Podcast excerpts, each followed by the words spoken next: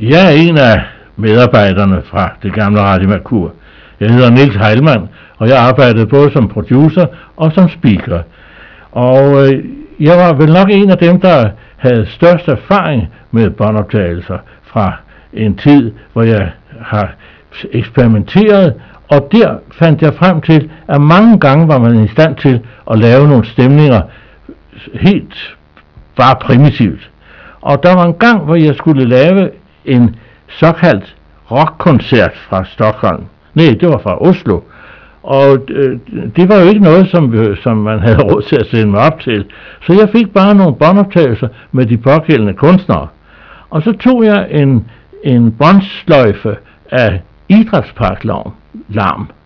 Og øh, den båndsløjfe satte jeg ved siden af mig, ved siden af mikrofonen simpelthen.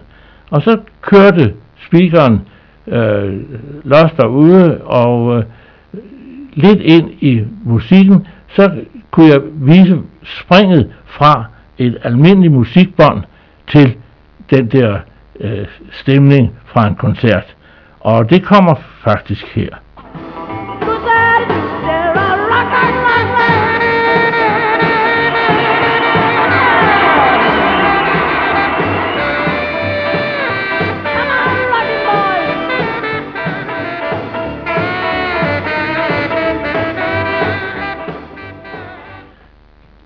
Ja, det var meget enkelt, men det morsomme var, at da jeg senere ringede til en af de øh, musikere, som var deroppe, så sagde han, hvorfor kom du ikke op og hilste på mig?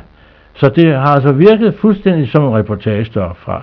Og så er der folk, der har spekuleret på, hvordan pokker kom den ud om aftenen i Radio Merkur samme dag.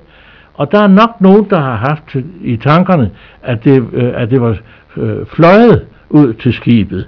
Vi havde nemlig en, øh, øh en, en aftale med Mor Jan Hansen, den, den kendte flyver og alt muligt mand. Og han var tidligere bombenedkaster for engl- englænderne under krigen.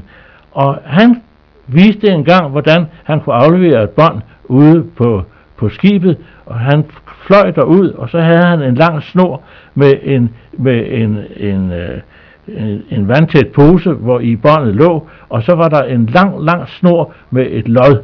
Og den droppede han sådan, så båndet faldt lige før skibet, og, og, og løjet øh, med snoren røg ind over skibet, så kunne de bare trække det, trække det ombord. Og det kunne jo have været den måde, det var sket på. Men jeg var rent faktisk ikke i Oslo til rock landskamp. Jeg sad i studiet og hyggede mig.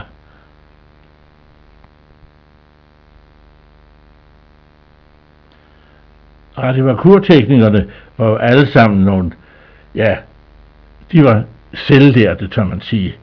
Og, og det pudsige var, at de blev meget, meget dygtige. Der var det ved det, at vi havde ikke ret meget studietid, så hvis der blev lavet en fejl, så skulle der rettes let og hurtigt. Og det skete ved, at man klippede. Og det morsomme er, at jeg har på et vist tidspunkt været med i et interview inde i Danmarks Radio og interviewet forløb udmærket, hvorpå produceren bagefter siger, der var lige et udtryk, du brugte der, kunne du ikke i stedet for at sige sådan? Jo jo, det kunne jeg da sagtens. Og så regnede jeg med, at han bare ville tage den sætning der og klippe ind. Men nej, jamen så tager vi det hele en gang til. Og prøv at tænke, hvor vanskeligt det er at holde fast i, hvad man havde sagt før og alt muligt. Så i virkeligheden tog det en frygtelig tid at omspille osv. osv. Sådan noget gjorde vi ikke på Radio Merkur. Nej, der gik det stærkt. Når jeg havde børnetimer, ja, øh, så varede de et kvarter, og øh, det var bare om at have forberedt det så godt, så jeg brugte kun ganske få minutter mere end et kvarter på at lave det.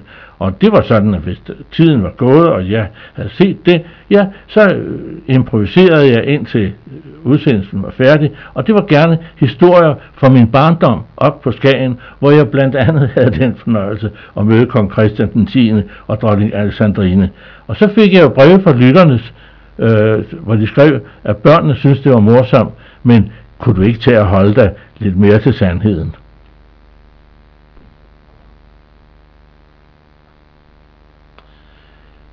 Det var en populær radio, Radio Merkur.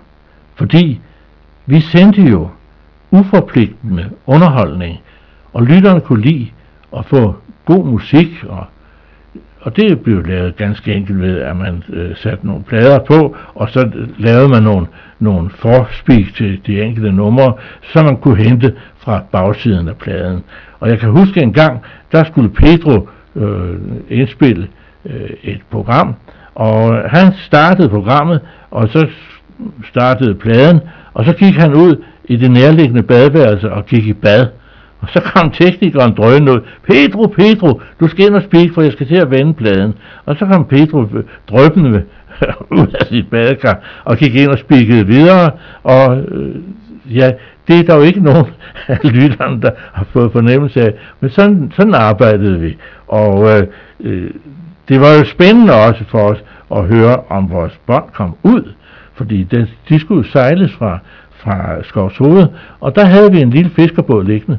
Og der øh, var en, en gammel fisker op fra, fra Vendsyssel, Nils hed han, og han var en sindig fyr, så han klarede at sejle ud, også tit i dårligt vejr. Og der var en gang, hvor det var rigtig, rigtig dårligt vejr, og vi gik ned og sagde, klarer du det i dag, Niels? Ja, det mente han nok. Og han tog afsted, og øh, vi lukkede op klokken 5, og ganske rigtigt, der var det det rigtige bånd, og ikke nogen res- af reserverne. Og næste dag var vi nede hos Nils, og så sagde vi til ham, hvor var det flot, at du kunne klare det i det stormvejr i går. Ja, det var, det var jo noget værd stormvejr, sagde han. Det, det, det, det, var ikke, det var ikke rart. Så, så øh, jeg ville ikke køre på knallert hjem, så jeg, så jeg sejlede hjem fra skibet. Han boede på Amager.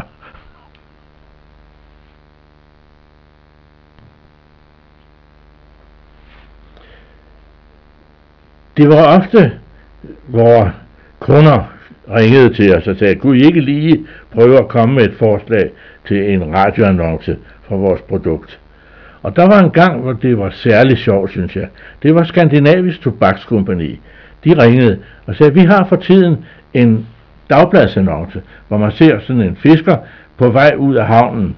Og så står der, han holder kursen, køber Phoenix hver gang. Og kunne vi ikke lave et forslag til det? Jo, jo. Øh, hvornår, vil du vise, hvornår vil de vise det, sagde, sagde han derude.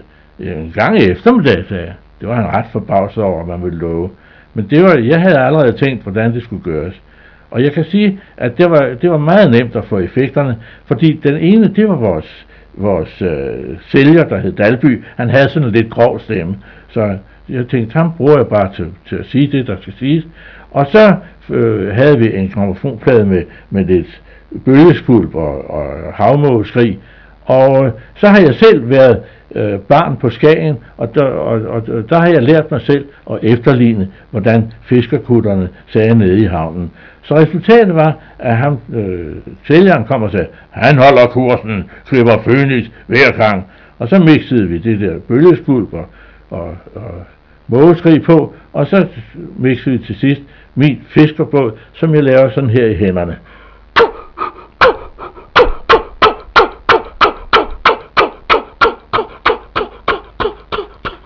Sådan lød fiskerbådene i gamle dage.